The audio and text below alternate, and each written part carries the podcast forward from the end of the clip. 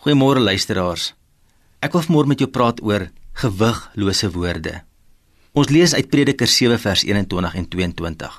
Moet jou nie steur aan alles wat gesê word nie.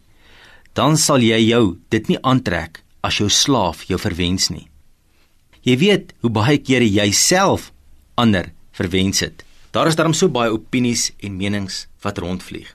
En met die koms van sosiale media het dit net soveel makliker geword vir enige mens om sy of haar siening van 'n saak of oor 'n persoon onmiddellik aan honderde of selfs duisende mense bekend te maak. Die probleem is egter dat al die menings nie altyd goed deurdink is nie. Baie opmerkings word impulsief gemaak en in die hitte van die oomblik word goed gesê en aangestuur wat liefs kon gebly het. Nou word 'n klein vuurtjie skielik 'n groot verwoestende brand omdat daar te vinnig en emosioneel gereageer is.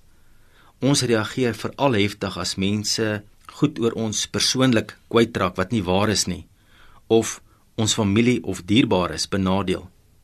Ons trek dit ons aan en dan beledig ons terug. Maar nou sê Prediker 7 vers 21: Moet jou nie steur aan alles wat gesê word nie. Moet dit jou nie aantrek nie. Maar dan moet ons ook onsself herinner wat vers 22 sê: Jy weet self hoe baie kere jy self ander verwens het. So ons self maak baie keer hierdie fout. Kom ons vra die Here om ons te help om vry te leef. En kom ons vra hom ook om ons te help om net te sê en aan te stuur wat goed, opbouend en nodig is. Ja, ons moet natuurlik altyd oop wees vir goeie inspraak en gesonde kritiek in ons lewe. Daarbo mag ons onsself nooit verhef nie.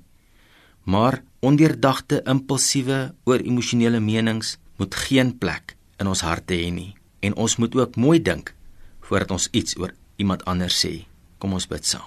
Here, help ons om ons nie so te steur aan ondeurdagte opinies dat dit al ons vreugde steel nie.